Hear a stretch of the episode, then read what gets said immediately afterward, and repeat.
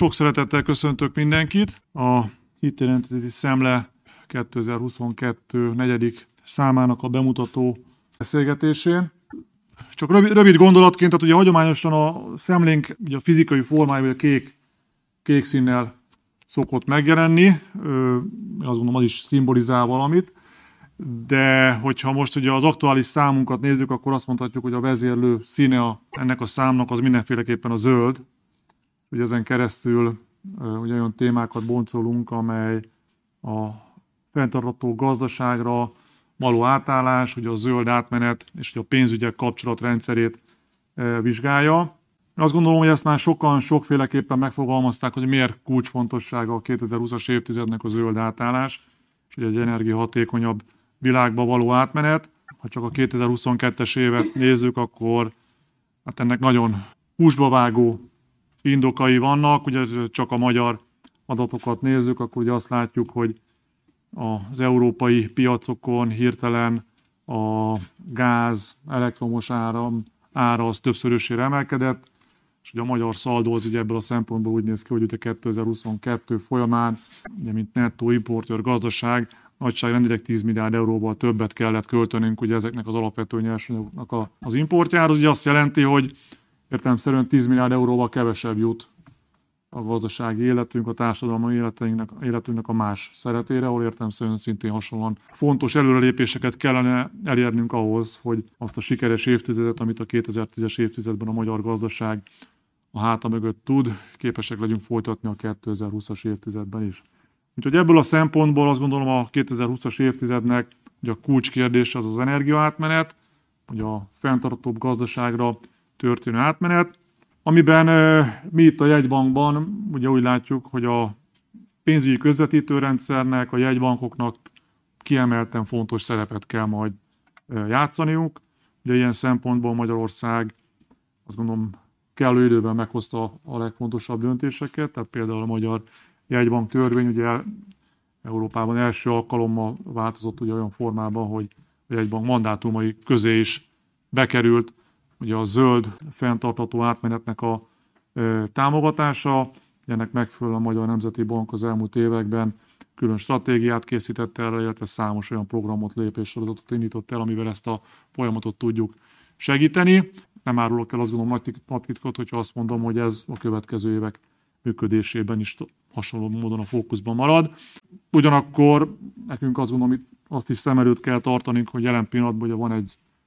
első, első számú ellenség a világ nagy részén, és itt Magyarországon is, ez a nagyon magas inflációs közeg, amiben e, ugye éppen működünk. Úgyhogy e, elsőként most bizonyosan ezt a magas inflációt meg kell törnünk, és a következő időszakban jelentősen csökkentenünk kell, hiszen egy magas inflációs közegbe, független attól, hogy egy beruházásnak a színe milyen zöld, kevésbé zöld, barna vagy mondjuk fekete, de bizonyosan beruházások nem tudnak hasonló ütemben elkészülni egy magas inflációs közegben, tehát azt gondolom a fenntartható növekedés felé vezető útnak az első lépése, az bizonyosan a magas inflációnak a megtörése és gyors csökkentése kell, hogy legyen. És közben pedig folyamatosan kutatnunk kell, folyamatosan keresnünk kell azokat a gyorsító pályákat, amin keresztül hát még egyszer ezt a nagyon masszív egyenleget, ami az elmúlt évben több mint 10 milliárd eurós növekményt hozott, azt folyamatosan szűkíteni tudjuk, és ugye ezen keresztül tudjuk a magyar gazdaságnak az energiahatékonyságát, energiaintenzitását e, csökkenteni, és az energiafüggetlenséget megteremteni. A hitelintézis az aktuális száma az ezekre a kérdésekre fókuszál, hogyan tudjuk ezt de kifejezetten a pénzügyi közvetítésen keresztül, a jegybankpolitikán keresztül ezeket a folyamatokat e, gyorsítani. Nem meglepő, hogy itt is az első lépés az mindig az elemzés, az adatoknak a föltárása, azt gondolom, hogy kiváló elemzések születtek, hogy akár a lakáspiacra fókuszálva, akár a banki hitelportfóliók összetételére fókuszálva, akár a biztosító szektornak a működésére fókuszálva. Úgyhogy azt gondolom mindenkinek, akit a téma érint, a társadalmi hatásokat nézem, akkor ez biztos, hogy mindenkit érinteni fog. Tehát jó szívvel ajánlom mindenkinek a figyelmébe a hitelintézés szemlének a legfrissebb kiadványát és ezen a ponton szeretném átadni a panel beszélgetésünk résztvevőinek a, a, a szót, és szeretném megkérni, megkérni Kandrát Csaba alelnök urat, aki ugye itt a jegybankban hát mondhatjuk azt, hogy nyugodtan a fenntarthatóság őre minden szempontból, hogy, hogy a mai panelbeszélgetésünket moderálja, és azt mondom, jó kérdésekkel vezesse föl nekünk a beszélgetést. Köszönöm szépen a figyelmet, Csaba, szót tiéd. Köszönöm szépen, én is szeretettel köszöntök mindenkit. A Magyar Nemzeti Bank felügyeleti központjába is igazán megtisztelő, hogy moderálhatom ezt a mai beszélgetést, mert valóban már azért hosszú évek óta a Magyar Nemzeti Bank és, a, és ahhoz kapcsolódóan a felügyeleti terület kimondottan aktívan vesz részt a zöld átállásnak a megértésében, annak a megismerésében. És a hitelintézeti szemlének a decemberi száma az egy nagyon ö, jó ö, zárása ebbe a szempontból a tavalyi évnek, ö, mert ö, azért a tavalyi év nagyon a rövid távú problémáknak a, a keletkezéséről és azokra való, azoknak való megfelelésről, azoknak a kezeléséről szólt. Ugye az egyik műben elő is kerül ugye a horizontok tragédiája kifejezés, és ezt abszolút szerintem megértük a tavalyi évben, mi szerint annyira rövid távon jöttek problémák, a háború, az energiaárak, az infláció nagyon gyors felpattanása, hogy már-már elfeledkezünk arról, hogy ahogy a népszerű sorozatban hallhattuk, hogy a winter is coming, tehát hogy valami más, valami nagyobb dolog azért így a háttérbe folyamatosan érkezik, és ez pedig az, hogy, hogy a klímánk az folyamatosan változik, és önmagában ez nem is lenne baj, mert, mert ilyen mindig is volt. Ami számomra megdöbbenést jelentett, pont az a, az információ, hogy igazából ez az egyfokos hőmérséklet amire azt mondjuk, hogy csak egy fok, ez azért, ez, hogyha egy hosszabb időhorizonton nézzük, akkor a mióta jó indulattal beszéltünk civilizált emberiségről, mondjuk egy tízzer éve, azóta körülbelül amúgy a klímánk ebbe az egyfokos tartományba plusz-minusz mozgott. Tehát eléggé horgonyzott volt, ahogyan a, szoktuk mondani az inflációra is, ez az időszak és a legutóbb, ami a jelenlegi trendeknek megfelel, kb. ilyen 3,5-3,7 fokos elmozdulás, az leg, legutóbb 40 millió évvel ezelőtt volt, amit ugye, hogyha a civilizált ember 10 év, maga az emberiség, mint olyan, az, az pár millió év. Most az, hogy 40 millió évvel ezelőtti állapotokra hogy reagál a, hogy reagálnak a gerincesek és a gerincesekhez belül az emberiség, stb. Arra nincs ember, aki jelen pillanatban szerintem tudna válaszolni. És ebből amúgy új fogalmak is születtek, és pont a tegnapi nap, mint, mint családapa vettem részt egy olyan beszélgetésen, ahol a, arról volt hogy a klímaszorongást a gyerekekből hogyan tudjuk, hogy mondjam, valahogy kezelni, és Ürge Forsác Diana professzor asszony volt, aki, aki erről értekezett. Tőle jött ez, a, ez az előbb által említett idézet is, és még rengeteg sokkoló képet mutatott be, úgyhogy a szorongásomat legalábbis nekem nem sikerült nagyon kezelnie. De hogy visszakanyarodjak, azért is jó, hogy, hogy a hitelintézeti szemle és a Magyar Közgazdasági Társág is továbbra is napirenden tartja ezt a témát, mert hogy a 22-es év rövid távú problémájának a lezárásaként ez nagyon szép, hogy, hogy olyan tanulmányok jelenhettek meg, amik azért koncentrálnak ezekre a hosszabb távú problémákra, és abszolút abban a szakaszban vagyunk szerintem, amikor, amikor ezt meg kell érteni. Tehát még a klímakutatók is rácsodálkoznak bizonyos dolgokra minden nap, akkor, akkor az, hogy a pénzügyi közvetítő rendszer egyáltalán elkezdett ezekkel a kérdésekkel foglalkozni, és most hol tart, azt szerintem, azt szerintem egy nagyon fontos információ, és az egy nagyon fontos információ, hogy legyen felület, amin keresztül ezt be tudjuk mutatni, úgyhogy én ezért örülök neki, hogy a tavalyi év végén erről, erről szólt a hitelintézeti szemle, ezekre koncentrált, és hát mindenki a maga eszközeivel próbál tenni a klímaváltozás, a környezeti változás, környezetpusztulás megakadályozására, kezelésére, az átállással kapcsolatra, átállásra való felkészülésbe, és mint a Magyar Nemzeti Bank azért is örülök, hogy tudunk ennek egy, egy teret nyújtani, tudunk egy jót beszélgetni ezekről a kérdésekről, és röviden engedjék meg, hogy bemutassam a előadóinkat. Három témát fognak röviden bemutatni, és utána egy kicsit beszélgetünk is. Elsőként Kolozsi Pál fog beszélni, aki a Magyar Nemzeti Bank igazgatója, a Najman János Egyetem MNB Tudásközpont fenntartható pénzügyek központjának egyetemi docense, és többek között a Cognitive Sustainability című folyóirat szerkesztő bizottságának a tagja is. Bemutatja nekünk, hogy a jegybank, jegybankok zöld gazdaságra való átállásában milyen szerepet tudnak betölteni, mik a nehézségek, hatások, kihívások, és, és nekem ez nagyon nagy öröm, hogy a Palit ma meghallgathatom, mert még jól emlékszem, hogy pár évvel ezelőtt, amikor TCFD riportot szerettünk volna készíteni a jegybankra, akkor akkor pontosan emlékszem a, az arcára kiült ö, ö, döbbenetre, hogy, hogy miről, miről is beszélünk, és, és ma meg ott tartunk, hogy, hogy a hitelintézeti szemlében erről publikál, úgyhogy én név nélkül is mindig szoktam idézni azt, hogy, hogy meg példálozni vele, hogy igenis, ami a, az első dolog, hogy a fejeket kell átállítani, és utána pedig döbbenet, döbbenet eredményeket tudunk elérni. Második előadónk Winkler Sándor lesz, az MNB osztályvezetője, aki bemutatja a tanulmányában az ingatlanpiacot, mint a, mint a fenntarthatósági fordulat egyik kulcs tényezőjét. Azért, hogyha belegondolunk abba, hogy a hazai végső energiafogyasztás egyharmadát a lakóépület állomány adja, ezt is tőle idéztem,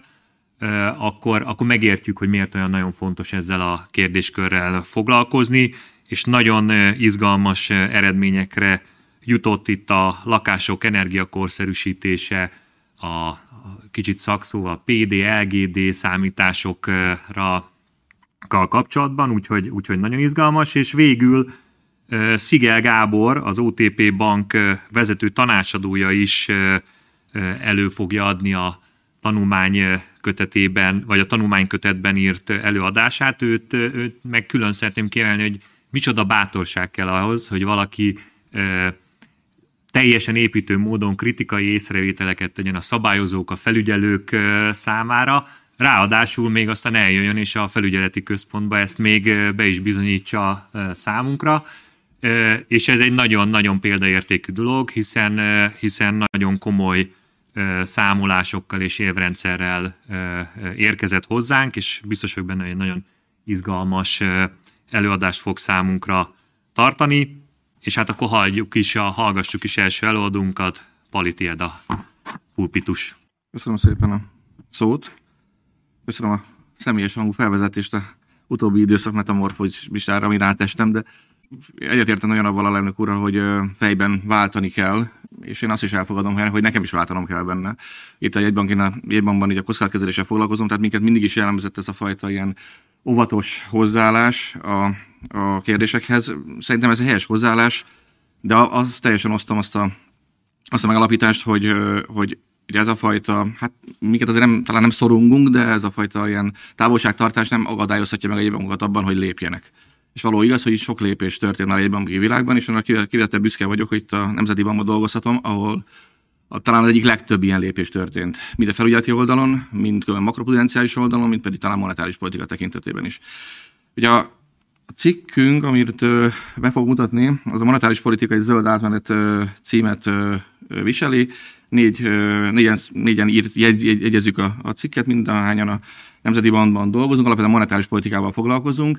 és a címnek megfelelően a jegybanki aktivitáson belül elsősorban a monetáris politikára és annak a zöld átmenettel való kapcsolatára próbáltunk fókuszálni. Nem szeretnék ö, ö, semmiképp sem ilyen riasztó képeket felfesteni, mint amit Urge, Urge Forza Diana biztos említett a utóbbi időszakban, általában szokott említeni. Elsősorban azért nem, és ezt csak egy ilyen kezdő szlájdként raktam ide, mert mi nem vagyunk klíma szakértők, nem vagyunk klímakutatók. Összesen szólva tudományos megalapozottsággal én nem tudok állásfoglalni a klímaügyben, de viszont azt tudom, hogy, és azt vallom, hogy az a felelős magatartás szerintem általában is, de egy egybankárnak különösen, hogy elfogadja a tudományos világban érkező, megalapozott ö, állításokat. Már pedig a klímatudomány az azt az állítást tette, és azt az állítást teszi, hogy most egy olyan világot élünk, ahol amennyiben nem avatkozunk be a, a klimatikus viszonyokba, akkor olyan jelentős módosulása lesz itt az utó, elkövetkező, elkövetkező évtizedekben a minket körülbelül világnak, amit elsősorban ebben a átlag hőmérséklet emelkedéssel szoktunk megfogni, amihez ö, ö, nem nagyon tudjuk, hogy olyan fog még alkalmazkodni, hiszen nem volt példa. Elhangzott a felvezetőben is az egy fok, nem tűnik soknak ugye egy fok. Szerintem ez egy nagyon jó viszonyítási alap, ami már elhangzott, hogy már pedig ebben az egyfokos, nagyon szűk sávban voltunk az utóbbi tízer évben, vagy utóbbi időszakban. De talán is érdekes, hogyha kicsit így belegondolunk, hogy hol vannak még egy fokok, hogy mennyire fontos egy fok, ha azt mondom például, hogy az embernek a hőmérsékletében van egy olyan egy foknyi tartós elmozdulás, ami pont magasabb annál a hőmérsékletén, amiben él, akkor a, szerintem azt mindenki úgy nagyjából érzi, hogy az elég limitált ideig ö, tudjuk mi is kezelni. Tehát az egy fok az kevésnek tűnik, még a pár fok is kevésnek tűnik, amik itt ezeken a szenárió analízisben feltűnnek, hogyha nem csomunk semmit, mi fog történni. De azért kicsit úgy kontextusba helyezve ezt az egy fokot, azt érezzük, hogy valószínűleg a minket körülbelül anyagi világ is, meg a biológiai világ is oly mértékben tud megváltozni ettől az egy-két foktól, hogy ahogy a világot mi ismerjük ma, az nem fog úgy maradni. Már pedig a gazdaságnak, meg a társadalomnak, meg a politikának erre reflektálnia kell. Kicsit úgy, úgy van ez a, a nagy, nagyban is, mint kicsiben, tehát amikor tudjuk, hogy helyzet van, meg tenni kell valamit, akkor a következő kérdés az, hogy ki fogja ezt megtenni. Ez egy nagy vita, hogy kinek kell ilyenkor valamit tenni. Van, aki azt mondja, hogy a, hogy, hogy minden, csak az egyéneknek kell ebbe gondolkodni, van, aki azt mondja, hogy a politikának kell gondolkodni, van, aki azt mondja, azon belül már inkább a költségvetésnek kell gondolkodni.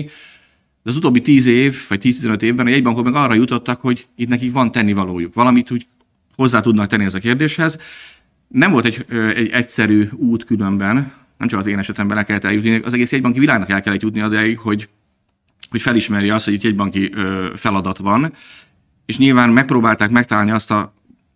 pontot, ahol leghatékonyabban, a legeredményesebben tudnak segíteni ebben a, ebben a társadalmi folyamatban. És így nagyon fontos lesz két dolog, ami mindjárt elő fog jönni, hogy egy banknak a működését szabályozó jogszabályokban mandátumok vannak, tehát az orsz, mindenhol az országgyűlések vagy a,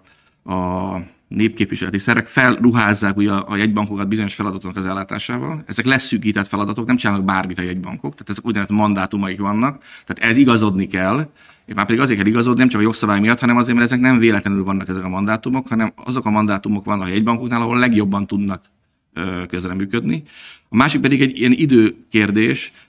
hogy azt meg lehetett figyelni az utóbbi időben, és egy kicsit ellenpontozza ezt a másikat, vagy kiegészít inkább,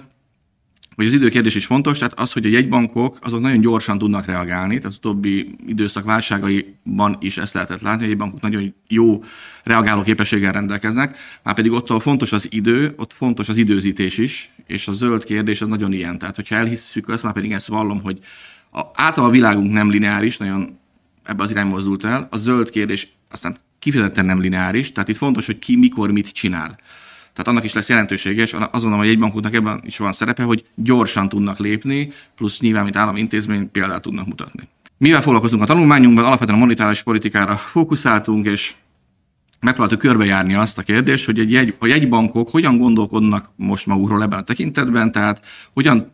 látják összeegyeztethetőnek a saját mandátumaikkal ezt a zöld aktivitást, amennyiben van ilyen kiemelt mandátum, akkor pedig ennek a mandátum hierarchiával, tehát hogy van egy elsődleges céljuk, ugye az árstabilitás, amennyiben nincs, akkor pedig általában mandátumokkal, és pontosan mit tudnak tenni, és milyen formában, milyen szerepet tölthetnek be ebben a klímaváltozás elleni küzdelemben. Ugye három konkrét kérdést soroltunk föl, az egyik az a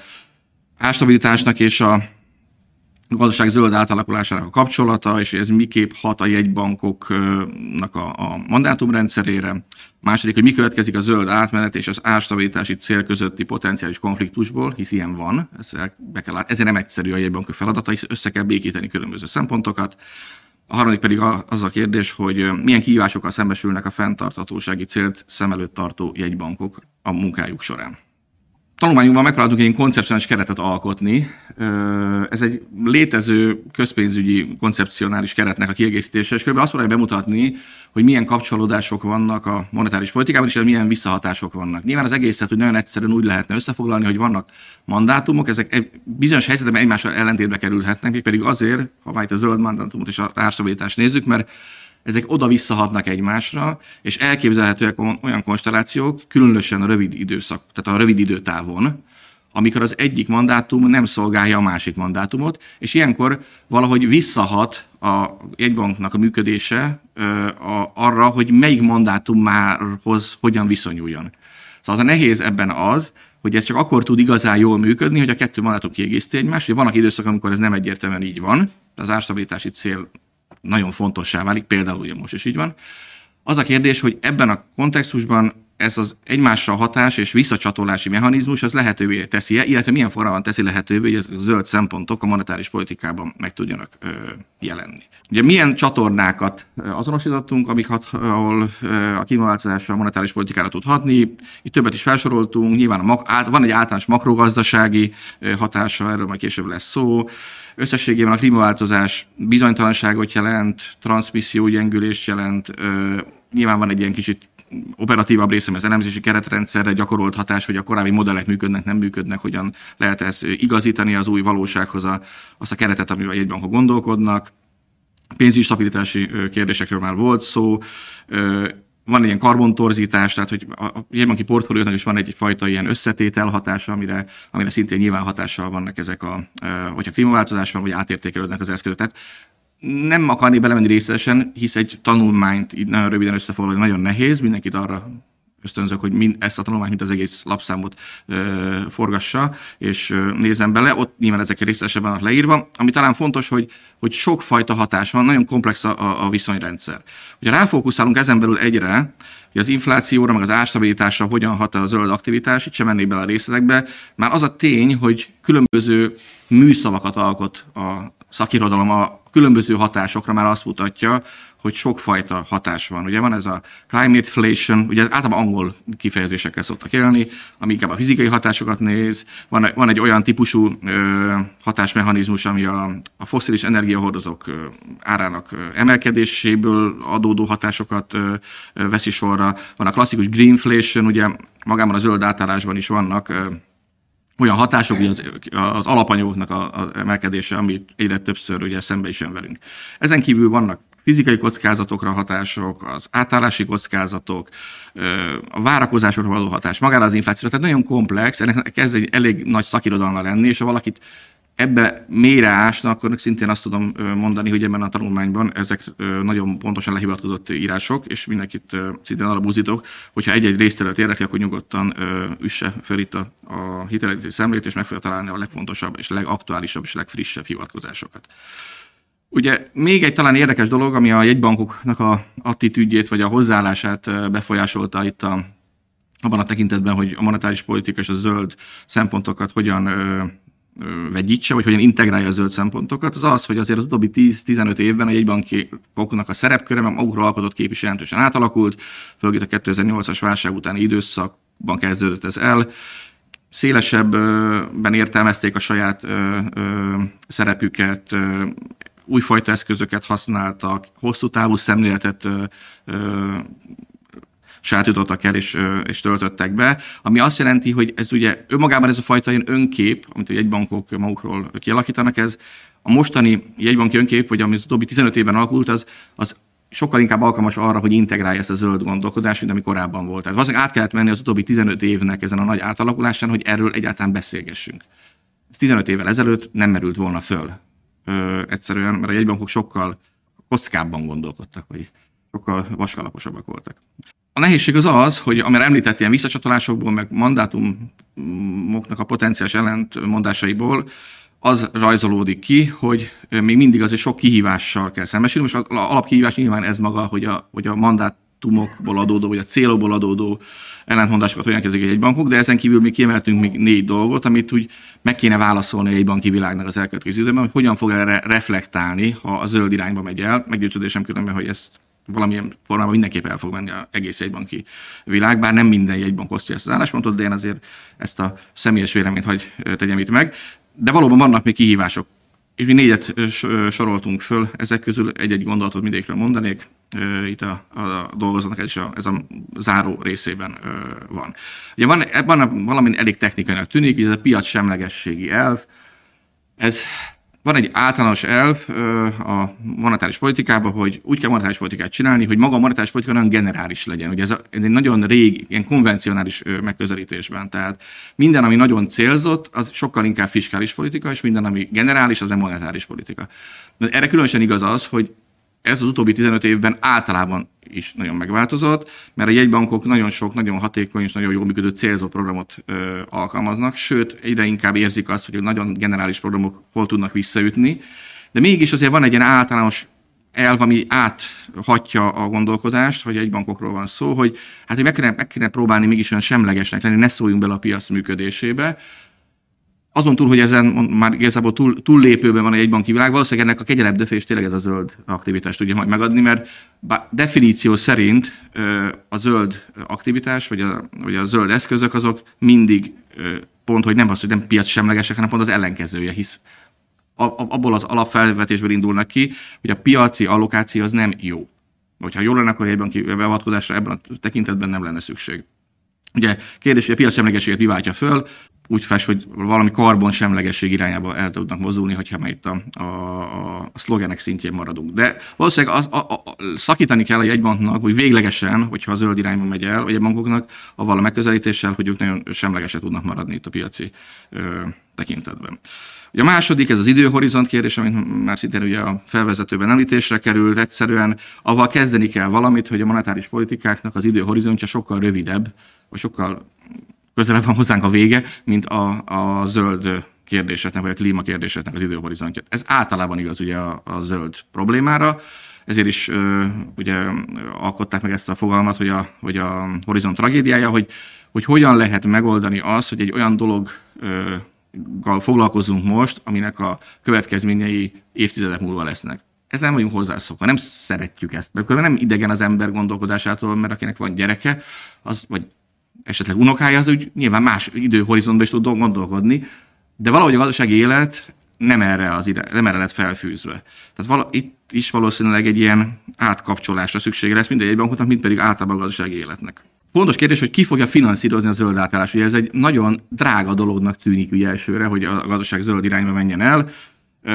Sokfajta becslés van, nagyságrendileg azt tudják mondani, hogy 100 milliárd dollárt el kell költeni az elkövetkező 10-15 évbe.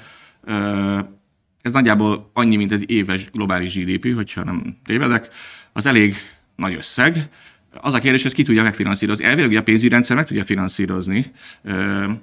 hisz erre van pénzügyi rendszer, hogy ilyen típusú projekteket megfinanszírozni. Kérdés, hogy ezt magától is meg tudja tenni, vagy szükséges lesz valami állami beavatkozás. Ebben kapcsolatban nincs olyan teljesen egyértelmű álláspont, de nyilván azért a finanszírozás, ha már finanszírozás és nagy léptékű finanszírozás, akkor mindig úgy eszébe jut sokaknak a jegybank,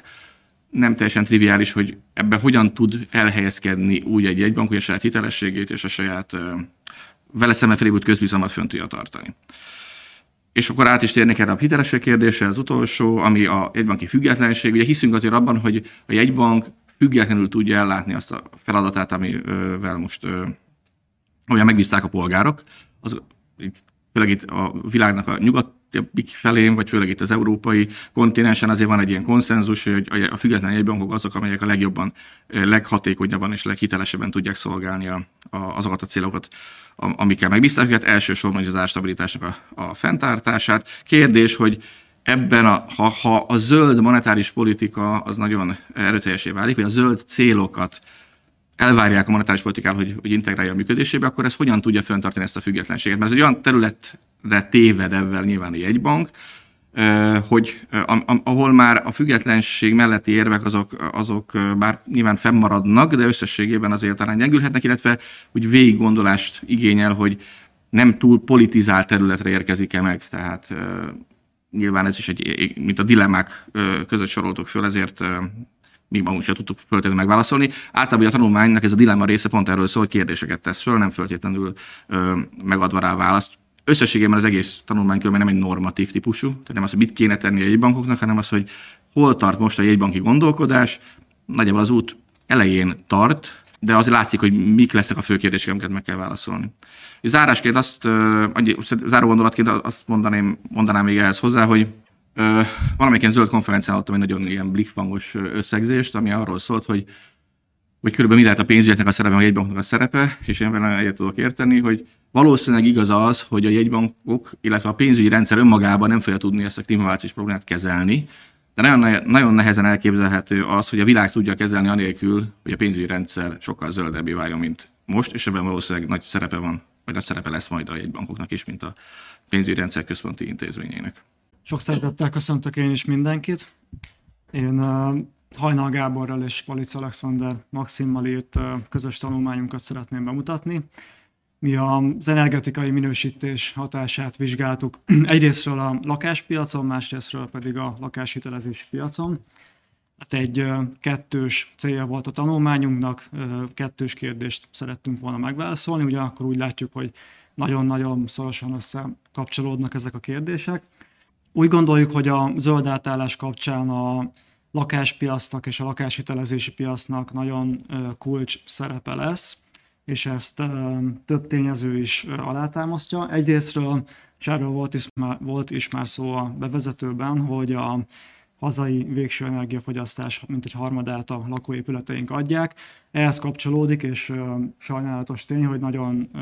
rossz a lakóingatlan állományunk energetikai hatékonysága. Itt látható az ábrán is a kiadott energetikai tanúsítványok alapján, hogy a környezeti szempontból fenntarthatónak vélt, tehát a közel nulla energiaigényt elérő besorolással rendelkező lakóingatlanok csak nagyon kis százalékát teszik ki a, az elmúlt években kiadott tanúsítványoknak. Tehát azt is elmondhatjuk, hogy a teljes állományunk az még rosszabb tulajdonságokkal bírhat valószínűleg. Fontos, hogy a jobb minőségű, energetikailag jobb minőségű ingatlanok, azok valószínűleg egy úgynevezett zöld árprémium, árprémiummal bírhatnak, tehát az elérhetőségük még rosszabb lehet a, a lakosság, vagy a családok számára és emellett pedig az úgynevezett zöld hipotézis szerint, amit majd a következőkben még kifejtek, ezeknek a környezeti szempontból fenntartható energetikával bíró korszerű ingatlanokra nyújtott hiteleknek alacsonyabb lehet a hitelkockázata, és ez hát kedvezőbb árazást is biztosíthat. Ezeknek a tükrében mi kettő kérdést fogalmaztunk meg a tanulmányunk során, és ezek nagyon szorosan összekapcsolódnak, hogy egyrésztről, hogy aki ö, ö, energetikailag korszerű ingatlan szeretne vásárolni, annak milyen felára jár ez a, ez a választás. Másrésztről pedig, hogy ha már valaki egy ilyen ingatlant választ, akkor elérhető a számára a lakáshitelezési piacon egy kedvezőbb finanszírozás, tehát egy olyan finanszírozás, ahol a bankok a, ezeknek a zöld ingatlanoknak a vélhetően alacsonyabb hitelkockázatát figyelembe veszik. Nagyon röviden az elméleti háttérről beszélnék. Ugye egyrésztről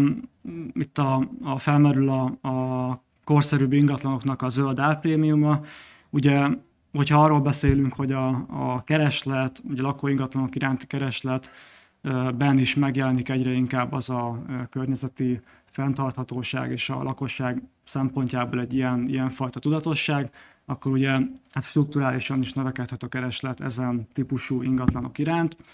Másrésztről ugye, és azt az előbb is láthattuk, hogy a kínálata ezeknek a nagyon korszerű és kedvező energetikával rendelkező ingatlanoknak egyelőre nagyon szűkös, és azt is biztosan állíthatjuk, hogy a korszerűbb és fejlettebb energetika az magasabb építési költségekkel jár, ez pedig egy árprémiumot eredményezhet a lakáspiacon. Hogyha hitelpiacra áttérünk, ugye itt is gyakorlatilag ugyanazt lehet elmondani a keresletről, hogyha nő a kereslet a zöld ingatlanok iránt egy tudatossági szempontokból, akkor ugye a lakáshitelek, lakáshitelezési piacon is az ezek finanszírozását célzó termékek felé emelkedhet a kereslet. És a bankok szempontjából pedig két fontos tényezőt emelnék ki, ami a, a zöld hipotézist is úgymond megalapozza. Az egyik az, hogy a, ezeknek a zöld ingatlanoknak a, a finanszírozása az egyrésztről alacsonyabb nem teljesítési kockázatot jelenthet, ugye köszönhetően a, ezen ingatlanoknak a kisebb fenntartási költségének, valamint a véletően környezeti szempontból tudatosabb ügyfélkörnek. Másrésztről pedig alacsonyabb nem teljesítéskori veszteségrátával is járhatnak ezek az ingatlanok, pontosan azért, mivel egy értékállóbb, magasabb értéket képviselnek, és hosszabb távon is a kereslet ez irányba tolódásával likvidebb lehet ezeknek az ingatlanoknak a piaca. Összességében ezek a tényezők, tehát a bankok számára egy alacsonyabb hitelkockázatot eredményezhetnek, ami pedig azt is ami pedig azt is adhatná, hogy ugye a bankok alacsonyabb kamatokkal kínálják ezeket a hiteleket, és pontosan emiatt vizsgáljuk ezt a két piacot. A szakirodalomban azt láttuk, hogy több tanulmány is szignifikáns kapcsolatot talált már a energetikai tulajdonságok és az ingatlanok értéke, valamint a hitelek, az ilyen ingatlanok finanszírozására nyújtott hitelek nem teljesítéskori vesztesége és nem teljesítéskori kockázata között. Ugyanakkor azt, azt is látni kell, meg árnyalja a képet, hogy ezek a vizsgált tanulmányok még egyelőre csak rövidebb időszakokat, vagy egyes részpiacokat fednek le, tehát itt, itt és nekünk is mindenképpen ez egy fontos üzenetünk lenne, hogy ennek a területnek a kutatását azt biztosan továbbra is folytatni kell majd. És akkor át is térnék a konkrét becsléseinkre, kezdve a lakáspiacsal, ugye ahol azt vizsgáltuk, hogy az energetikai tanúsítványok milyen hatást gyakorolnak a fővárosi újépítésű lakások piacán az árazásra. Bal oldalt látható a szaladbázisban szereplő ingatlanok eloszlása az energetikai tanúsítványok szerint, de inkább a jobb oldali ábrát javasolnám, ahol becslésünkkel is kiegészítettük a, a tanúsítványokat, megújuló energia használata esetén a közel nulla energiaigény követelményt feltételeztük, ami ugye a BB besorolás, BB energetikai besorolást jelenti. És nagyon jól látszik ezen az ábrán, hogy az újépítésű lakások piacán a zöld átmenet az gyakorlatilag folytonos volt az elmúlt években. Ugye itt ennek az az egyik legfontosabb oka, hogy a piac egészen és az építetők is azt várták, hogy a, a újépítési lakásokra vonatkozó követelmények a, azok szigorodni fognak, mégpedig, hogy idővel már csak közel nulla energiaigényt teljesítő újépítési lakásokat lehet átadni. Ugye most már tudjuk, hogy ez, ez a szabályozás, ez a szigorúbb szabályozás, ez többszöri alkalommal is kitolásra került, viszont ez egy nagyon jó időpont, vagy nagyon jó időszakot jelent számunkra, hogy megvizsgáljuk a laká, lakáspiacot olyan szempontból, hogy az amúgy egymáshoz nagyon hasonló ingatlanok miben mennyire térnek el árban, hogyha pusztán az energetikai különbségek, energetikai különbségeket nézzük meg közöttük. És akkor át is térnék a konkrét becslésünkre. Itt egy regressziót, regressziós elemzést végeztünk, ahol a, a célváltozónk a adott lakásprojekt, lakásprojekteknek adott negyedében a szabad lakásainak az átlagos kínálati négyzetméterára. Ez pedig ugye több tényezővel, az ingatlanok, többnyire az ingatlanok tényezőivel próbáltuk magyarázni, másrésztről a, az idő is szerepel a modellben, ami ugye a piaci ármozgásokat hivatott megragadni. Ugye a, a lokációra, ami az ingatlanok értékét nagyon jelentősen meghatározza, többféleképpen is próbáltunk kontrollálni. Egyrészt a budapesti piacot 19 homogén, nagyjából az épületállomány hasonlóságát tekintve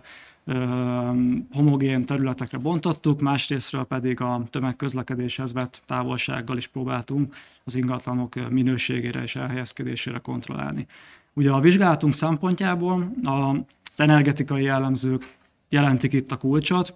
és itt a lakások energetikai tanúsítványa, ugye új építésű lakásoknál csak a CC, ami ugye a követelményértéket jelenti, a BB, ami ugye a közel nulla energiaigénynek megfelelő követelményt jelenti, és az EU taxonómiában is a, a környezetileg fenntartható környezetileg fenntarthatóságot jelenti, valamint az ettől jobb besorolású ingatlanokat bontottuk külön. És emellett a, a lakásprojektek gépészetével is meg, készítettünk vizsgálatot olyan szempontból, hogy önmagában a megújuló energia használata az milyen különbséget jelent az ingatlanok árazásában. Nagyon röviden még az eredmények előtt szeretném megmutatni, hogy a, a lokáció az mennyire fontos az ilyen becslések elkészítésekor. A bal oldalt láthatjuk az elmúlt években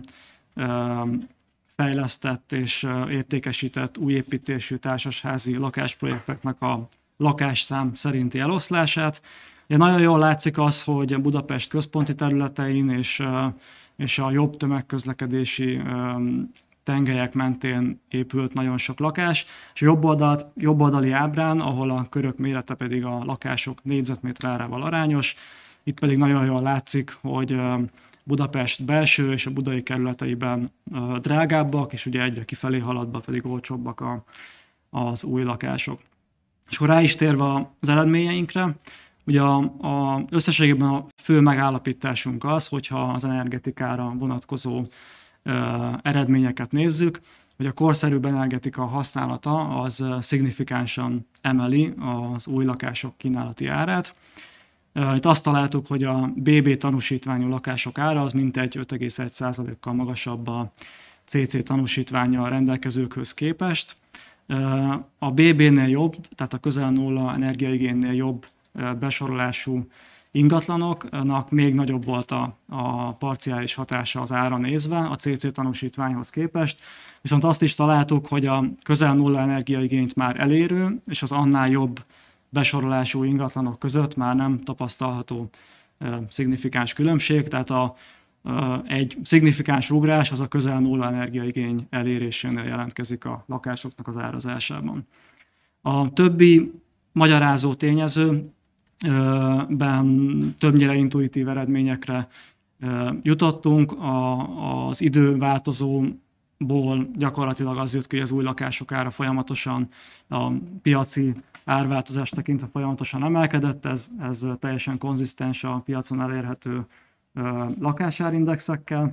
és mind a lokációs változók, mind pedig a, a lakásprojektek egyéb magyarázó tényezői azok szignifikánsnak bizonyultak. És akkor itt át is térnék a második becslésünkre, ahol a második kérdésünket szerettük volna megválaszolni. Tehát ugye az első eredményünk az, hogy a lakáspiacon azonosítható egy árprémium, hogy a környezetileg fenntartható energetikával bíró új lakásokat, az drágábban lehet, szignifikánsan drágábban lehet megvásárolni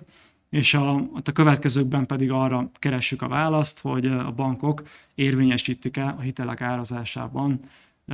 ezen korszerű ingatlanoknak a, a kedvezőbb energetikáját. Ugye itt az alább, alábbi ábrán látható, hogy a, a bankok által nyújtott lakáshitelekben a korszerűbb energetikához átlagosan alacsonyabb kamatláb párosul, ugyanakkor itt előfordulhat, hogy ez más tényezők hatását szívja föl így szintén itt is egy regressziós elemzést készítettünk, ahol a szerződések évesített kamatlába az eredményváltozónk, és a, egyrésztről a fedezett ingatlan jellemzőivel, másrésztről pedig a szerződés különböző jellemzőivel, kockázati mutatóival, valamint egyéb bináris változókkal próbáltuk a hitelek árazását, hitelek árazását magyarázni. Ugye a vizsgálatunk fő kérdése itt is az, hogy az energetikai tanúsítványok, tehát a hitelek fedezet,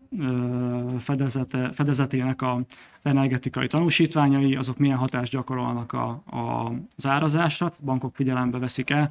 a lakóingatlanoknak az energetikáját. Ezzel kapcsolatban itt ugyan, ugyan azzal a besorolással értünk, mint a korábbi becslésünkben, hogy a, a közel nulla energiaigény követelményű ingatlanokat, tehát a BB besorolásúakat vettük külön, valamint az ettől jobb ingatlanokat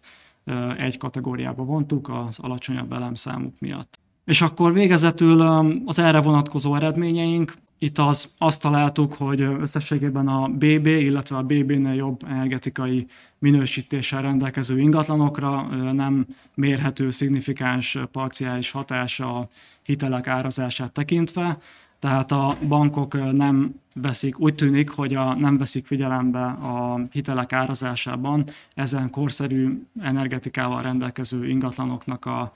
a, a potenciálisan alacsonyabb kockázatát a, kamat, a kamatlábokban, tehát ezt nem érvényesítik ezt a hatást. Ugyanakkor azt is találtuk, hogy a, a,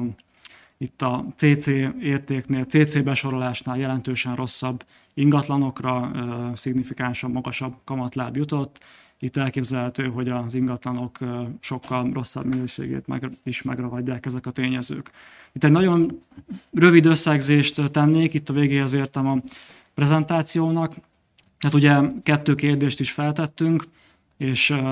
és összességében az látszik, hogy az a szignifikáns árprémium, amit meg kell fizetniük a vásárlóknak a lakáspiacon, hogyha a környezeti fenntarthatóságot előtérbe helyezik, és egy ilyen haték, energiahatékony ingatlant választanak.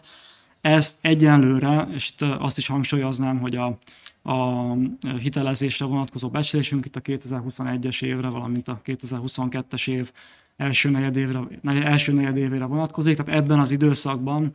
még úgy tűnik, hogy a bankok árazásában nem jelent meg ezeknek a legkorszerűbb ingatlanoknak a potenciálisan kockázatcsökkentő hatása.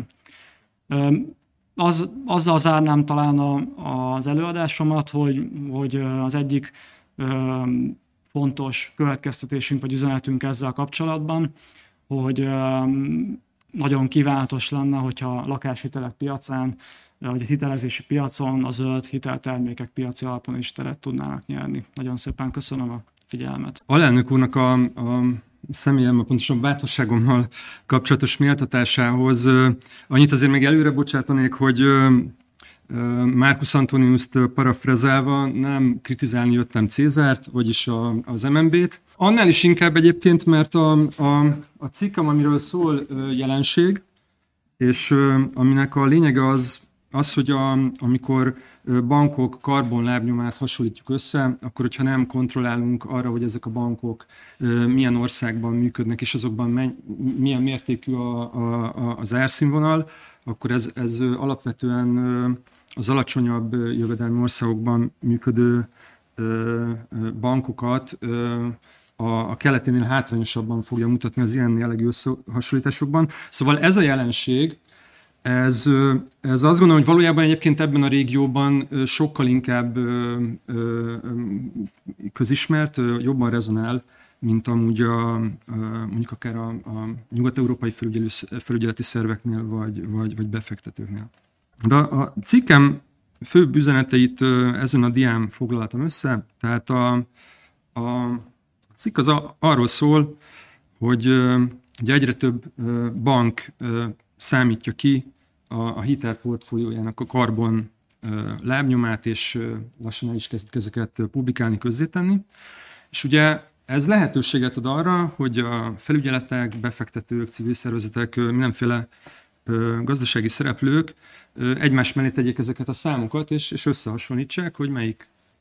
bankkarbon lábnyoma magasabb, melyik, melyik alacsonyabb. Azonban ezt az összehasonlítást számos tényező torzítja, és ezek közül a, a, a cikk az egyet vizsgál meg, a, a, ami, ami, ami viszont egy jelentős és, és a, az alacsonyabb jövedelmi országok kárára egy szisztematikusabb torzítást eredményez, és ez pedig a, az alacsonyabb ár és jövedelmi színvonalnak a, a, a torzító hatása a, a, a banki hitelportfóliók fajlagos karbonlábnyomára. És a, a cikk végkövetkeztetése ennek alapján az, hogy, hogy ezen torzító hatásoknak a, a kiszűrésére érdemes lenne ö, ezeknél az összehasonlításoknál valamiféle vásárlóerő ö, paritással történő korrekciót ö, alkalmazni. Ami maga amúgy nem egy olyan rettenetesen eredeti gondolat, hiszen ugye ez a reálgazdasági jelenségek vizsgálatánál egy nagyon elterjedt dolog, hogy a, ilyenkor a, a, a nominális mutatókban használnak ilyen, ilyen korrekciókat, tehát például mondjuk jövedelmi adatokat senkinek nem jutna eszébe országok között nem, nem vásárlóerőparításon összehasonlítani, de, de ebben az ESG világban, és főleg egyébként, amikor intézményeket hasonlítanak össze, mert ugye ezeket a vásárlóerőparitásra való korrekciókat általában nemzeti szintű statisztikákban szokták alkalmazni, szóval, szóval intézmények összehasonlításában, és ebben az ESG világban ez még talán nem annyira elterjedt, és ezért, ezért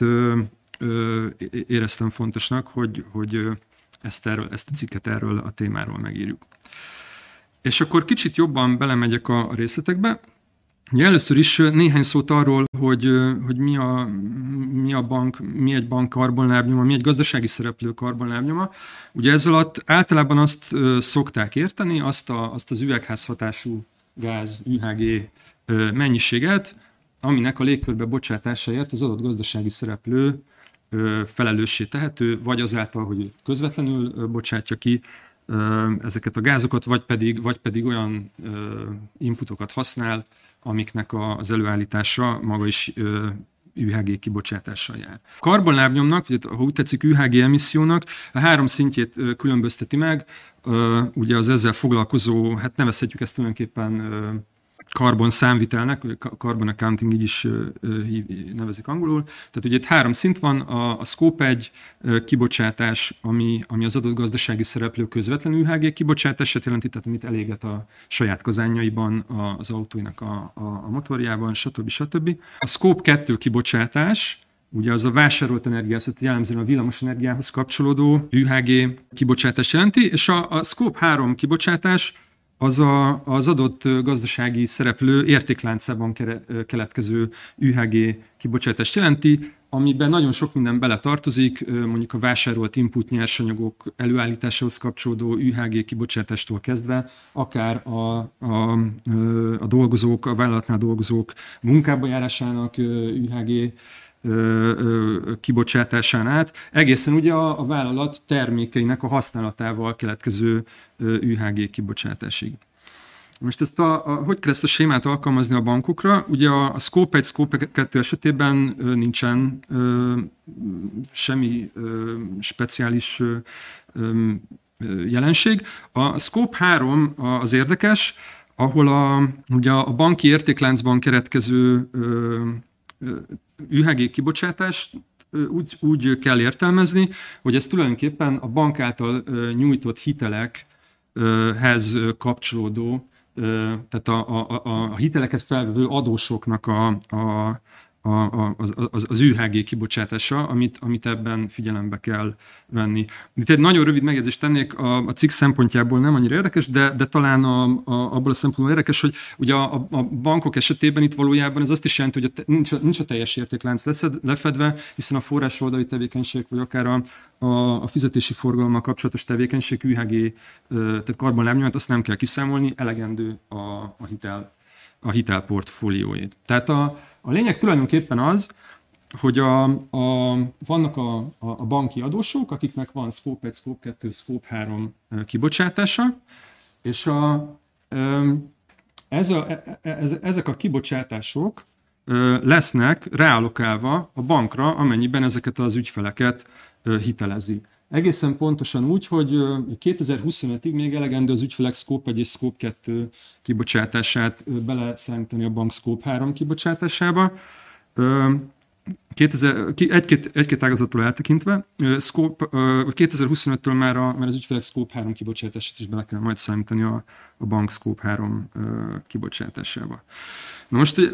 hogyan alokálják rá a, a bankra a, az ügyfél emisszióját? Ugye itt a, a képlet látható a, a, a, a dián, tehát az a lényeg, hogy ki kell számítani az adósnak a, a, a kibocsátását, és aztán ezt egy úgynevezett attribúciós faktorral ö, alokálják a, a bankra. Az attribúciós faktor az, ö,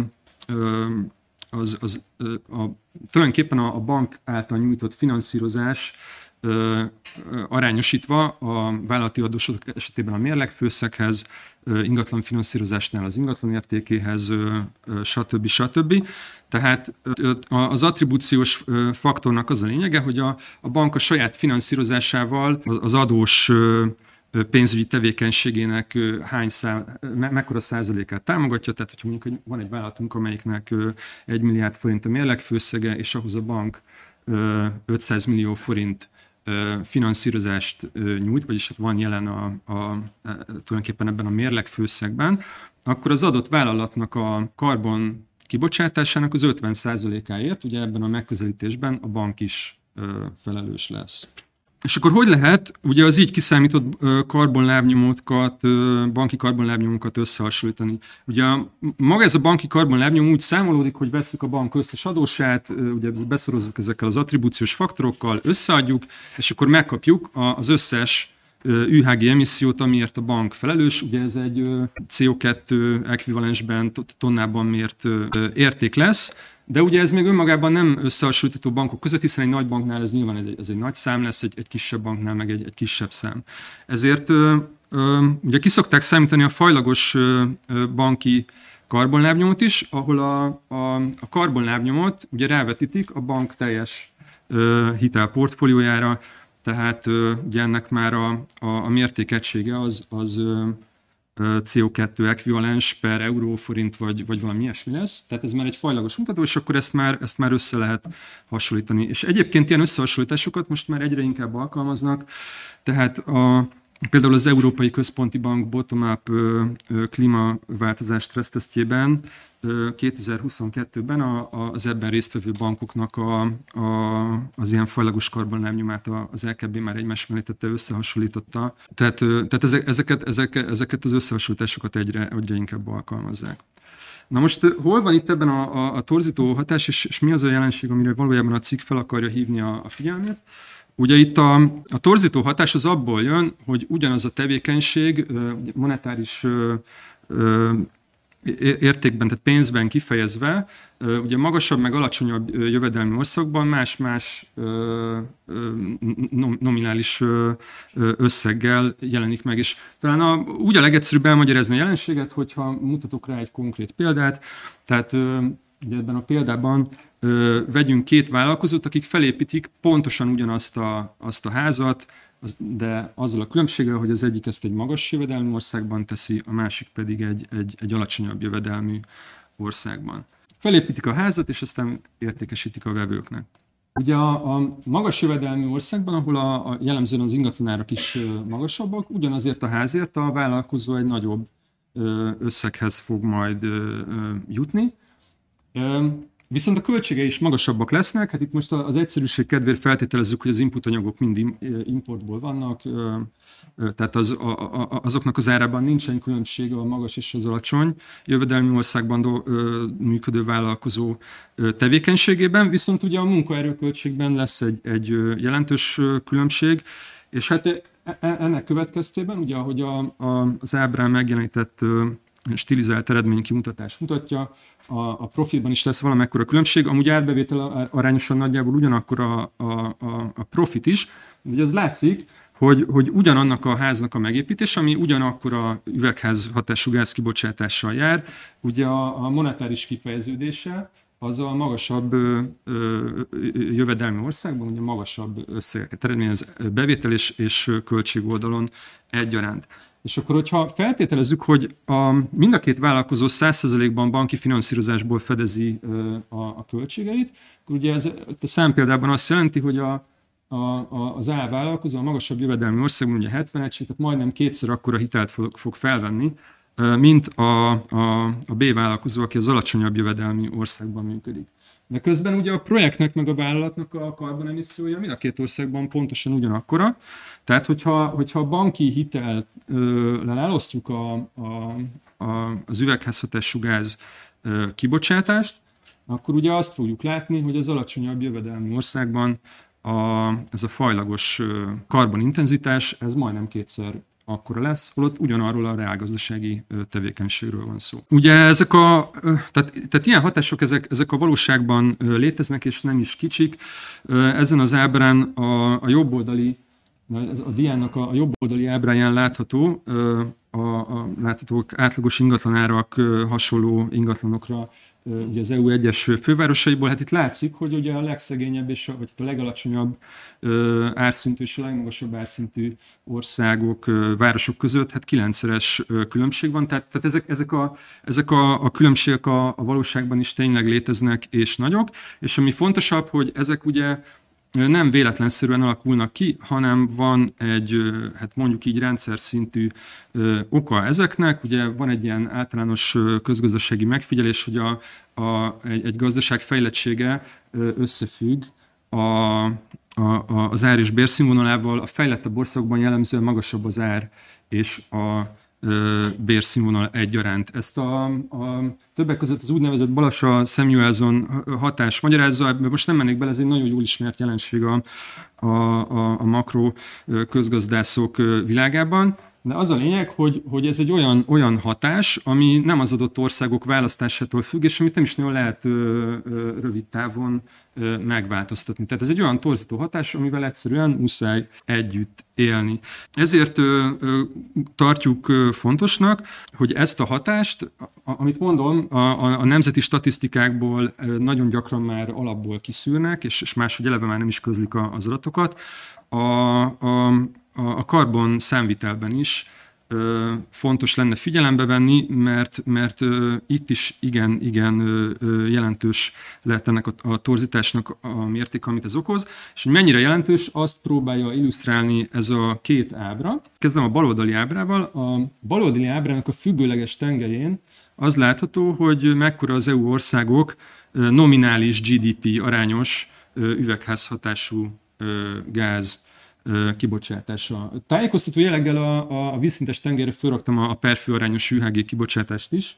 de ugye tényleg szempontjából a, a függőleges tengely az érdekes. És a, a jobb oldali ábrán pedig az látható, hogy mekkora a, a, a, tehát a függőleges tengeren azt szerepel, hogy mekkora a, a, a GDP arányos UHG kibocsátás abban az esetben, hogyha korrigálunk a különböző árszintekkel. És hát ez jól látható, hogy ha, ha ha nincsen ilyen korrekció, tehát ha a nominális GDP alapján ö, ö, vizsgáljuk tulajdonképpen ezt a fajla, fajlagos szennyezőségét ezeknek az országoknak, akkor a, a legszennyező Bulgária és a legkevésbé szennyező Svédország. Ha, ha nem korrigálunk, akkor ugye a, a két ország között kilencszeres a különbség, még hogyha a, a vásárlóerő paritással korrigált értéket nézzük, akkor ez a különbség, ez már csak idézőjelesen négy és félszeres lesz. Ez azt jelenti, hogy, hogy ez a tényező, ez a, a bolgár gazdaságot kétszer olyan szennyezőnek mutatja valójában, mint amit a reálgazdasági helyzet indokolna. Tehát félreértés ne essék, a, tehát a bolgár gazdaság akkor is sokkal szennyezőbb, hogyha ezzel a hatással korrigálunk, de azért ez nagyon nem mindegy, hogy, hogy, hogy kilencszer, vagy csak, vagy csak négy és félszer. És hát ugye vannak olyan országok, ahol pedig ugye itt a viszonyrendszer meg is fordult, tehát például Magyarország ha Németországhoz viszonyítjuk, akkor szennyezőbbnek tűnik a nominális GDP-hez viszonyítva. Ha, ha, ha korrigálunk a vásárlóerő paritással, akkor viszont ez megfordul ez az arány. Na most ilyen összehasonlítások egyelőre még nincsenek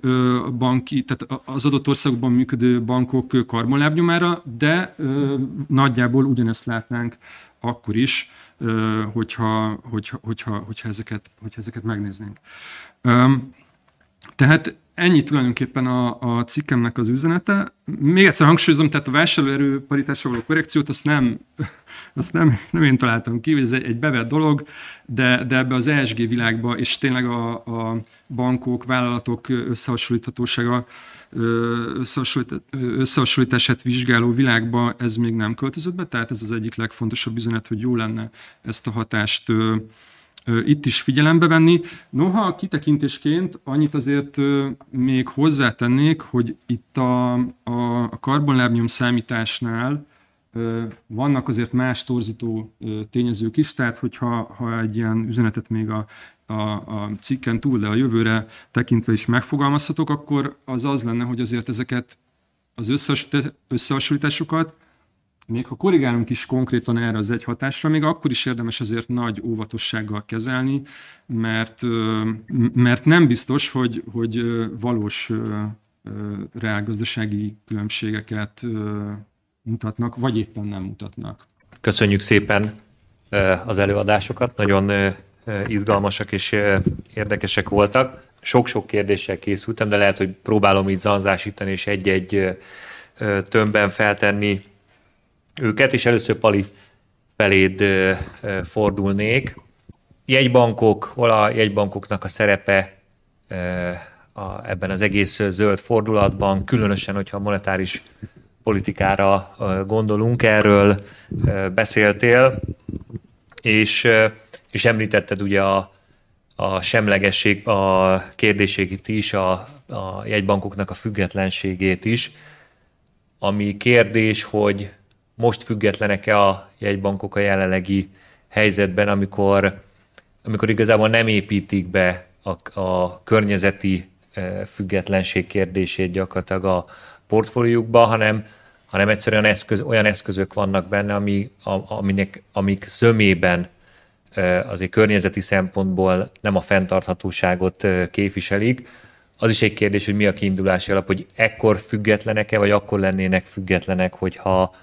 hogy ez is benne lenne építve, hiszen, hiszen akkor, akkor teljesen függetlenül állnának a környezeti kérdésekkel kapcsolatban, tehát nem lehetne ezen az oldalon rájuk tenni azt a bélyeget, hogy na de hát ti a, ezzel a szennyezőket támogatjátok. És a kérdésem ezzel kapcsolatban az lenne, hogy látod-e azt, hogy elérkezhetünk egy olyan szintre, amikor, amikor hogyha ezek a zöld gondolatok nagyon erőre kapnak, akkor akár a, a jegybankoknak a, a a tartalékában, vagy az, hogy ki milyen típusú tartalékot tart, egy kedvező vagy egy kedvezőtlenebb fordulat az beállhat-e, és egy kicsit az, hogy, hogy ugye a 2008-as válságot követően a nem konvencionális eszközök, ahogy említetted is, a célzott eszközök azért úgy természetessé váltak a jegybanknál, de ott azért ott látszott egy probléma, és arra volt egy válasz, hogy vajon itt vannak -e olyan új eszközök, amik, amiket majd még be lehet vetni, vagy, vagy,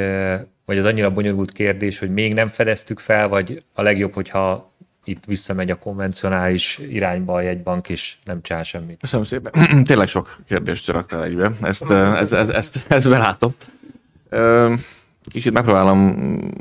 nem is konkrét, megpróbálok válaszolni rá, de lehet, hogy nem úgy, hogy most, most, most jön az első kérdésre válasz, most jön a másik, hanem kicsit a gondolat, amit össze, megpróbálom összefoglalni ebben az egész kapcsolatban.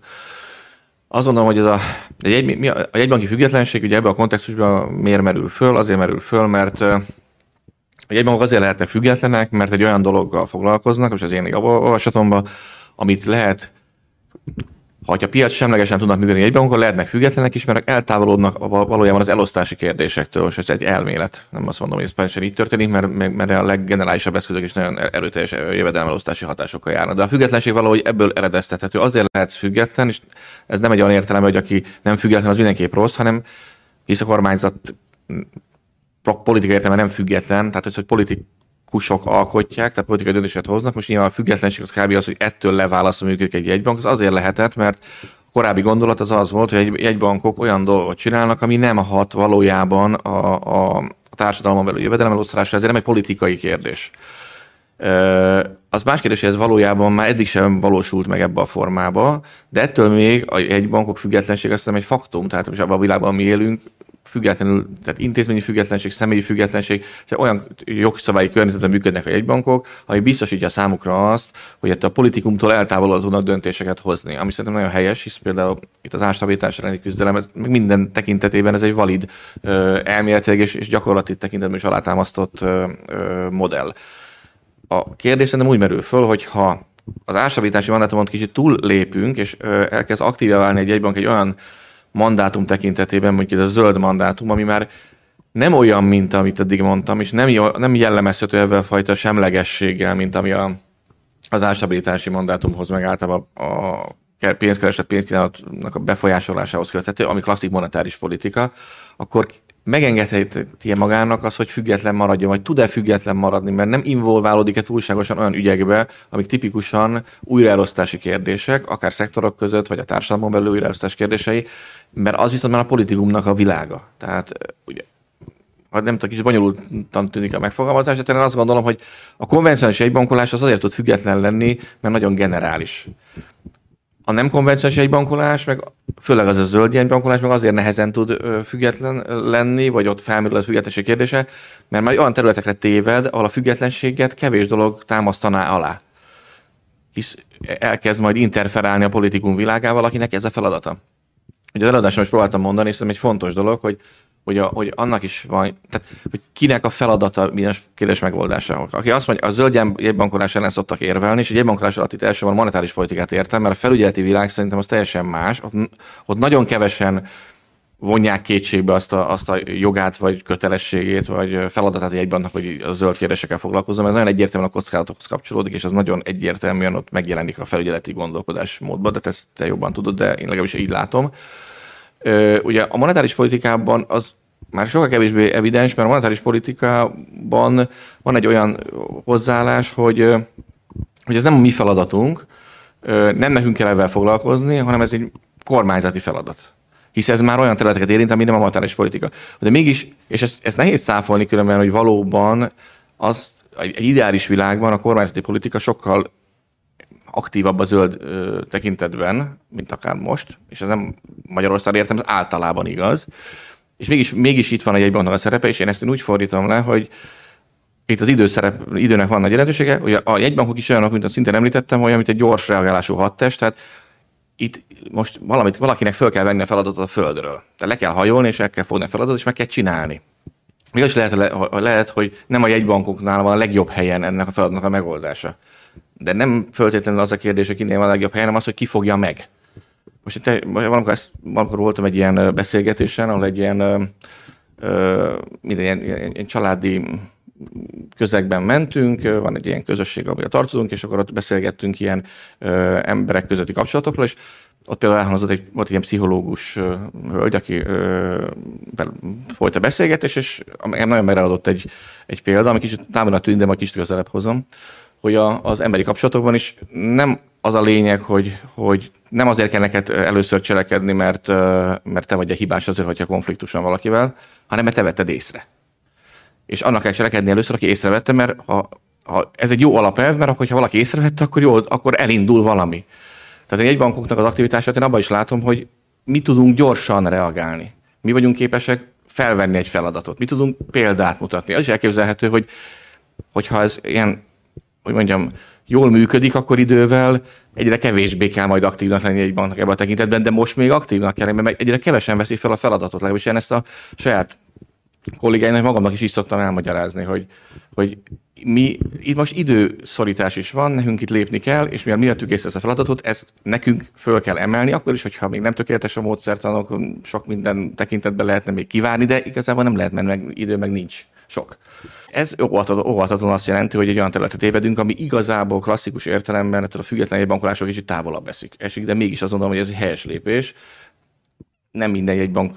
gondolt eddig így. Én örülök annak, hogy a Magyar Nemzeti Bank így gondolta, mert, mert egy nagyon fontos feladatot lát el, azt gondolom. Az, hogy milyen eszközöket lehet majd használni, szerintem senki nem gondolta volna, hogy milyen eszközöket használ. Tehát 15 évvel ezelőtt, hogy miket fognak használni egy bankok mostanság. Így nem tudom pontosan mit fognak használni majd 15 év múlva.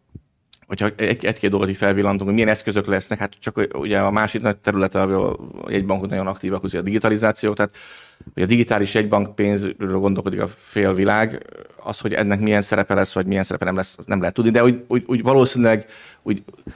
nem mondanám azt, hogy, hogy, hogy, hogy nem, lesz, nem lesznek új eszközök, mert, mert igazából egy csomó minden fog történni, és már most lehet látni, hogy ami gondolkodás van, az is abban az irány mutat, hogy, hogy nagyon újszerűek lesznek. Még gondoltad itt a portfóliókról, meg hogy milyen típusú eszközök ügyeik vannak a jegybankoknak, meg mik betartják, a, meg miket finanszíroztak. Pont most volt egy elemzés, az Európai Központi Banknak a, a, egy elemzés a pár hete,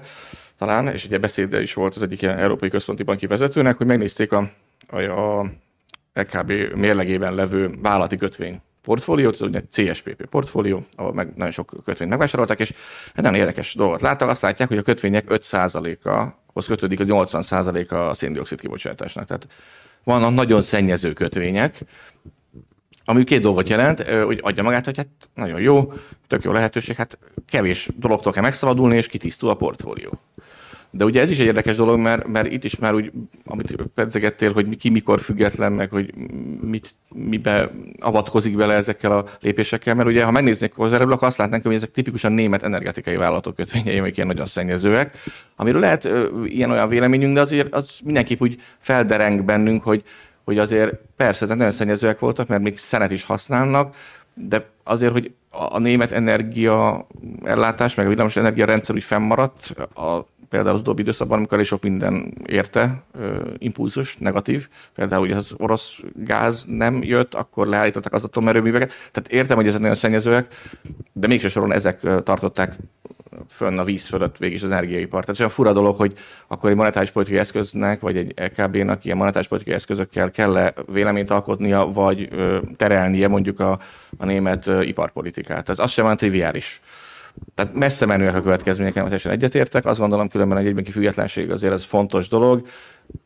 Az, hogy hogyan lehet ezt kibékíteni, arra sajnos sem most szóban, sem pedig írás nem tudunk véleményt mondani, vagy választ adni de biztos, hogy végig gondolandó dolog, és meg ebben a keretben kell valahogy megtalálni azt a, azt a modus vivendit, ami, ami mindennel összeegyeztethető. Köszönjük szépen. Sándor, most téged kérdeznélek, hogy kimutattátok is, hogy a fenntarthatósági technológiák most még jellemzően költségesebbek is, és ugye egy BB besorolású ingatlan négyzetméter ára az több mint 5%-kal a CC fölött van, és ezzel kapcsolatban kérdeznélek, hogy vajon ez a, a kereslet oldaláról jelenik meg, hogy, hogy ez a helyzet előállt, mert aki, aki ilyet szeretne, az, az jellemzően mondjuk tehetősebb, és akkor könnyebben megfizeti ezt, vagy hajlandó megfizetni ezt, ezt a, a felárat, vagy nem is törődik úgymond ezzel a felára, mert, mert neki belefér, vagy, vagy, a, vagy inkább a, kínálati oldalról, hogy egyszerűen tényleg a technológia még ilyen pillanatban nem tartott, hogy, hogy azok a beépített anyagok, technológiák, gépészet, stb. az, az annyival ellensúlyozott, egyszerűen annyival egyszerűbb, olcsóbb, könnyebb beszerezni mondjuk a CC-re vonatkozó megoldásokat, hogy, hogy ezt, ezt hogy látod, hogy melyik az erősebb hatás ebben. És a másik oldalról pedig az, hogy megfogalmazhatjuk-e ezt így a, azt a, az áltatok kimutatott tényt, hogy hitelkockázati oldalról ezek, ezek kisebb kockázattal rendelkeznek a, a korszerűbb ingatlanok, hogy, hogy azért ez egy rejtett lehetőség a, a piaci szereplők számára, hiszen hogyha az árazásukat e, hozzáigazítanák, és ugye lenne egy lépcsőzetesség között, akkor akár még egy egy extra bevételt is tudnának ezen keresztül generálni maguknak, hiszen jobban megjelennének azok az ügyfelek, akár tehetősebb ügyfelek, cross-sellingen keresztül sokkal többet tudnának nyújtani, és egy, egy, egy jó ilyen, ilyen cukorka lenne, úgymond, amivel magukhoz tudnák az, az ilyen affluens ügyfeleket hívni. Ezekről mit gondolsz, hogyha megosztanád velünk? Köszi. Köszönöm. Itt is ugye több kérdés elhangzott, de akkor szépen ö, megpróbálom sorba venni őket. Ugye szerintem a, a, az első kérdésre, hogyha rátérünk, hogy ugye kereslet vagy kínálati hatások lehetnek itt a ö, zöld prémium tekintetében, akkor szerintem talán ezt a kérdést ö, kicsit jobban megérthetjük, hogyha a, onnan kezdjük az egészet. Ugye a tanulmányunkban mi ugye új építésű lakások piacán vizsgáltuk ezt a felárat, és ugye ez az a szegmense a lakáspiacnak, ahol a költségek és az árazás a leges legszorosabban összekapcsolódik. Ugye például egy, egy használt piacon ott sokkal jobban lehet kereslet vezérelt egy-egy alszegmens, és sokkal inkább elmehetnek az árak más irányba, amit a kereslet diktál de azért a, az új építésűeknél a, a költség oldal az, az mindenképpen erősen dominál. Itt, itt ugye ehhez kapcsolódóan több ilyen piaci tapasztalatot is megosztanék. Ugye egyrésztről a, az elmúlt években azt láttuk, hogy egy nagyon erős építési költségdinamika jellemezte a, a hazai építőipart és a lakásépítéseket, ugye több évig 10% feletti volt a lakásépítések éves költségdinamikája, de ugye 20% is fölé is ment ez az érték 2021-ben, és amúgy 2021-ben már inkább az anyagköltségek emelkedése vezérelte ezt a folyamatot, nem pedig a munkaerőköltségnek az emelkedése. Azt is megtudtuk, vagy hallottuk így piasztudás egyeztetéseken, amikor kivitelező cégekkel beszélgettünk, hogy a, a közel nulla energiaigényt elérő épületek amúgy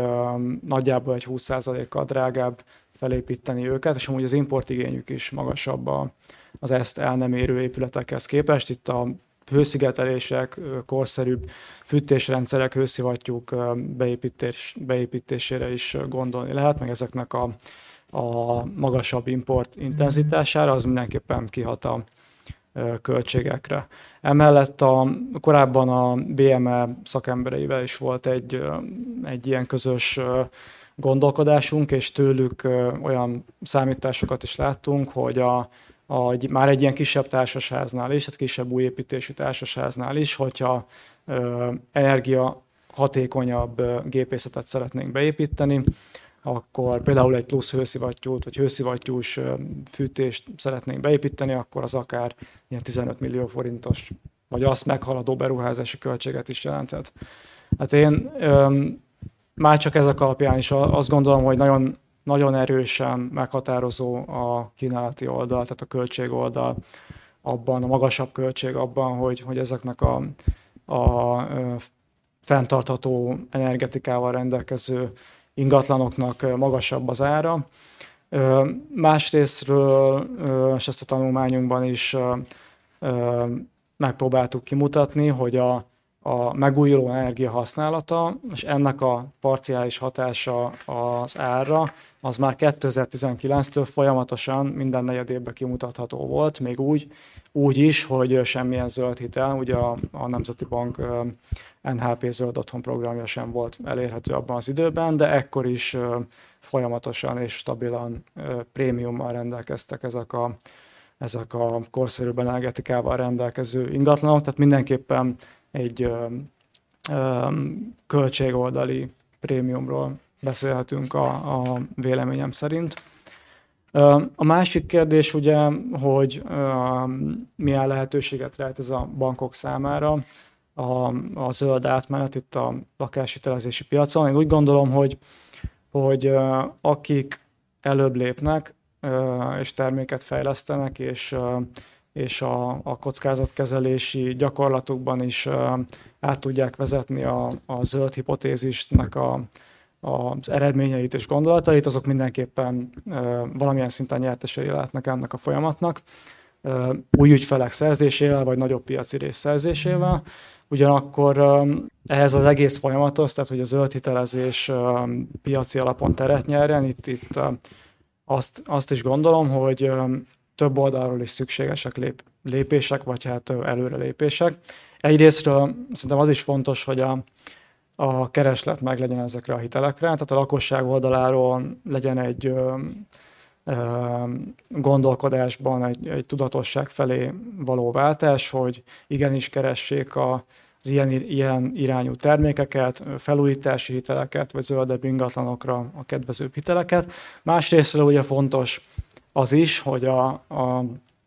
a bankok hitelkínálatában megjelenjenek ezek a termékek, tehát legyen termékfejlesztés erre. Harmadrésztről viszont, és ez is, ez is egy nagyon fontos tényező, hogy szabályozói oldalról is nagyon fontos, hogy legyen egy olyan környezet, ahol vagy ami támogatja ugye a zöld hitelezésnek a kialakulását. És ugye itt már több, több pozitív példát is láthatunk. Egyrészt ugye az MNB zöld tőkekövetelmény kedvezmény programja, másrészt ugye a nem olyan rég átalakított vagy kibővített minősített fogyasztóbarát lakáshitel termék zöld irányú kibővítése is ugye ösztönzik, mind a, a ösztönözhetik a zöld lakáshiteleknek a, az elterjedését. Úgyhogy úgy gondolom, hogy egy lehetőség van ebben mindenképpen a, a bankok számára. Köszönjük szépen, és Gábor végezetül felét fordulnék. Ugye a tanulmányodból kiderül, hogy hogy a feltörekvő gazdaságok számára a karbonintenzitás számítás jelenlegi módszertana az, az nem kedvez. Gyakorlatilag ezeket az országokat duplán üti az, hogy egyrészt sok szó esik arról, hogy, hogy ők mennyi mindent tudnának tenni a zöld átállásért, de, de nincsen hozzá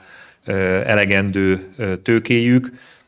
Nem beszélve arról, hogy a, a jelenlegi módszertan alapján az általad leírt tanulmányban még, még azt is kimutatjuk, és még szennyezőbbek is, ami nem biztos, hogy, hogy így van, vagy úgy is mondhatom, hogy biztos, hogy nem így van. Hogy te hogy látod, hogy tart-e ott most jelenleg a befektetői világ, hogy, hogy ez olyan fontos szempont, hogy, hogy egyszerűen nem fektetnek be az alacsonyabb jövedelmi országokba, egyszerűen azért, mert, mert, mert ezt a hibás módszertant veszik alapul, amikor a befektetési döntéseiket hozzák meg, vagy jelen pillanatban azért nem tartotta világ, hiszen még nem jogszabály által kötelező, hanem mindenki keresi a legjobb módszertant. Ez egyik kérdés, és a másik része a kérdésemnek az lenne, hogy, hogy ugye itt a, a, igazából megélhetünk bizonyos értelemben egy piaci kudarcot, a, amiről ugye a Sándorék tanulmánya is szólt, hogy a, a piaci versenyben nem kerül kellően elő az a, az a gondolatkör, hogy, hogy igenis a, a, a zöld, zöldebb típusú projekteket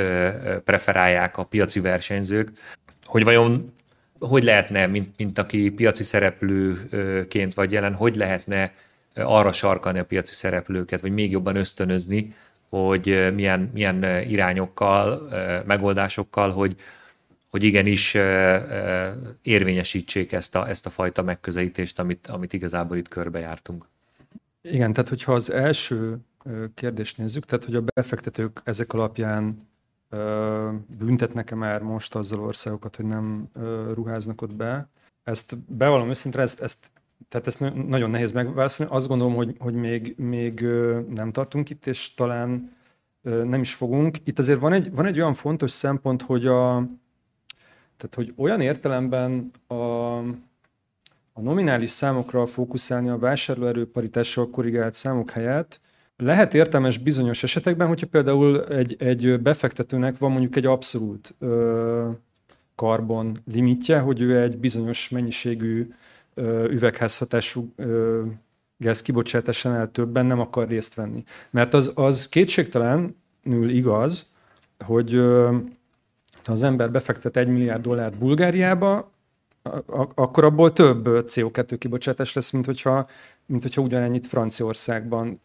tehát fektetne be. Tehát, hogy, hogy ilyen értelemben érvényesült is a zárszínvonal különbség, hogy ugyanannyi pénzből több CO2-t vásárolunk Bulgáriában, mint Franciaországban most természetesen mindenféle tevékenységeken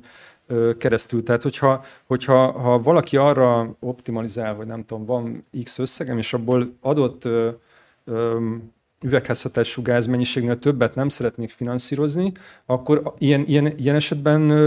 indokolt lehet a, a, a, a nominális számok figyelembevétele is, de hogy, hogy ugye ez, ez ö, nem ellentmondása egyébként azzal, amit a, a, a cikk mond, hiszen, hiszen pontosan azért vásárol valaki egy milliárd dollárból több CO2-t Bulgáriában, mert az, ott egy nagyobb reálgazdasági aktivitást tud finanszírozni. Tehát, tehát hogy, hogy azt gondolom, hogy, hogy az, hogy a befektetők bizonyos ilyen tőkeallokációs döntésekben figyelembe vegyék a, a nominális számokat, és ez, ezért ez nem teljesen indokolatlan. Ami szerintem indokolatlan az az, hogyha, hogyha mondjuk olyan felügyeleti szervek, amelyek mondjuk több országban is ellátnak felügyeletet, és amelyeknek a, a, az is a mandátumuk, hogy tulajdonképpen egy versenysemleges szabályozási környezetet biztosítsanak, de az MNB nem ilyen, hiszen ő, csak itt lát el ilyen funkciókat, tehát hogy, hogy az, ilyen, a, az ilyen, ha az ilyen felügyeletek mondjuk elkezdenek szankcionálni, vagy büntetni ezek alapján, az, az mondjuk egyértelműen gondolom, hogy egy, egy negatív fejlemény lenne, ami, ami rontaná a, a versenysemlegességet. De, de itt, itt még talán egy, egy, még ehhez egy utolsó gondolatot, hogy, hogy hogy viszont nem, tehát nem látunk a jövőben, és, és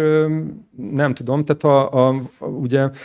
azért egyre inkább terjednek az ilyen KO típusú kritériumok ezekben a zöld befektetésekben, és például, hogyha egy ilyenre sor kerülne, hogy bizonyos ilyen, tehát egy nominális számok alapján meghatározott karbonintenzitású országba vagy területekbe oda egyszerűen tilos lenne befektetni, ez azt gondolom, hogy egy, egy, egy negatív